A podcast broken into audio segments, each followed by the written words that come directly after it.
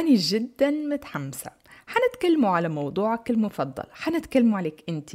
أغلبية البرامج اللي حضرتها والفيديوهات اللي شفتها يتكلموا على العميل المثالي ولكن بطريقة معقدة. لحد ما لقيت من خلال مساعدة نفسي والآخرين كيف يوصلوا رسالتهم. لقيت شيء لفت انتباهي في هذه العملية. أنا متحمسة نقول لكم عليه. ليش محمس الموضوع؟ لأنه حيكون ممتع وسهل إنك تكوني أنتي من هو عميلك مدى الحياة؟ عميلك مدى الحياة أو عميل مدى الحياة الخاص بيك هو الشخص اللي تبي تخدميه هو الشخص اللي تتحمسي لمساعدته. عمرك تلاقيتي مع شخص فكرك بنفسك أو قلتي هادي نوعيتي من الناس. تحسي إنك فهماتها أو فهمتها. هذا اللي يصير معاي. نحس إني فهمتهم لأني عرفتهم. لما نتلاقى معاهم نحس إني متواصلة معاهم في شيء ربطني بيهم. نشبه بعض. حنستخدموا هذا التكنيك لأنه حيسرع من العملية وحيخليك توصلي رسالتك ويخليها أكتر متعة. حاجة تحطيها في رأسك وهذا القصد من مدى الحياة. إننا نهتم بهذا الشخص مدى الحياة. إذا حد حيسألني شن حديري بعد خمس سنين؟ ممكن ما عنديش إجابة بس اللي متأكدة منه إن حنهتم بأشخاص مدى الحياة. اللي متأكدة منه إني حنقولهم هالبأشياء عني. إذا من هو عميل مدى الحياة؟ هو أنت. هو تقريبا أنت بس خمسة دقايق فاتوا. من المهم أن تعرفي من يكون هذا الشخص. لأن أنت بالعادة تكوني مرتاحة أكتر لما تتكلمي مع شخص معجب بيك وفاهمك وعارفك وعارف عقليتك. من الأشياء اللي صارت معي لما كنت نوصل في رسالة غلط بهدف إني نبي كل الناس ما نبيش نستثني حد. على خاطر مكان أو جنسية أو عمر أو جنس. النتيجة كانت سيئة.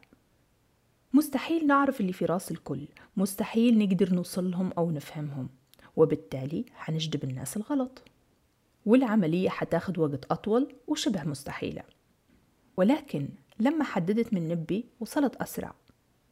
نبي الأشخاص اللي يضحكوا على اللي نضحك عليه يكرهوا الشيء اللي نكرهه ويحبوا اللي نحبه وعقليتنا واحدة.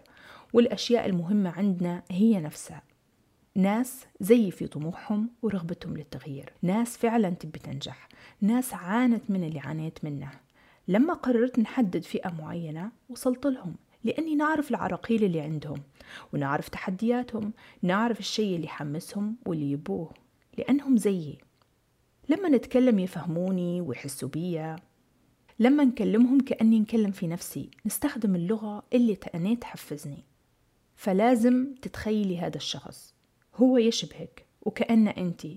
فكري في عمره ومكانه ولغته. باش لما تفتحي الكاميرا وتكلميه أو تكتبي منشور يقول أيوه هذا هو ويتفاعل معك الممتع هو أيا كان اللي أنت فيه حاليا في شخص محتاجه وأنت تقدري تساعديه. واجبك اليوم تراجعي الأسئلة. اللي حنذكرها بعد شوية. وتفكري في شخص واحد مش معناها إنك متجاهلة الآخرين ولكن حيساعدك على التخيل. لما تحددي واحد حتعرفي تديري فيديوهات وتكتبي رسائل في مناشيرك. أيا كان اللي بتديريه ديما تذكري إنك تكلمي في شخص واحد. حتوصل رسالتك أسرع. هذه مجموعة من الأسئلة اللي حتساعدك في التفكير. مجموعة أسئلة عامة يعني معلومات عامة. حتذكري العمر الجنس المكان الحالة الاجتماعية ووضع العائلة. معلومات عن أسلوب المعيشة.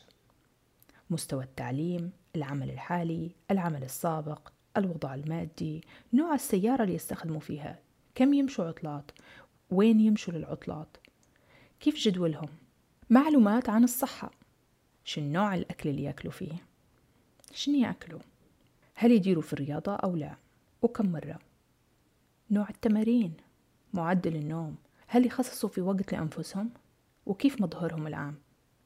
معلومات عن العادات والاهتمامات. أذكري شن هم هواياتهم اهتماماتهم نوع الملابس اللي يشروا فيها من وين يشروا وين يقضوا في أغلب وقتهم. شن البرامج التلفزيونية اللي يشوفوا فيها؟ شنو الكتب أو المجلات أو المقالات اللي يقروا فيها؟ هل يسمعوا البودكاست؟ وشن هو؟ شنو المواقع اللي يزوروا فيها؟ شن منصة ال social media اللي هم عليها؟ في من يتابعوا على ال social media؟ شن الهاشتاجات اللي يستخدموا فيها؟ شن أكتر شيء يبحثوا عليه على جوجل أو يوتيوب؟ مواضيع عامة يعني. هذه مجموعة من الأسئلة تساعدك في التفكير والتخيل. ودائما تذكري إن عميلك مدى الحياة هو أنت قبل خمسة دقايق. ونشوفكم في الدرس الجاي. thank you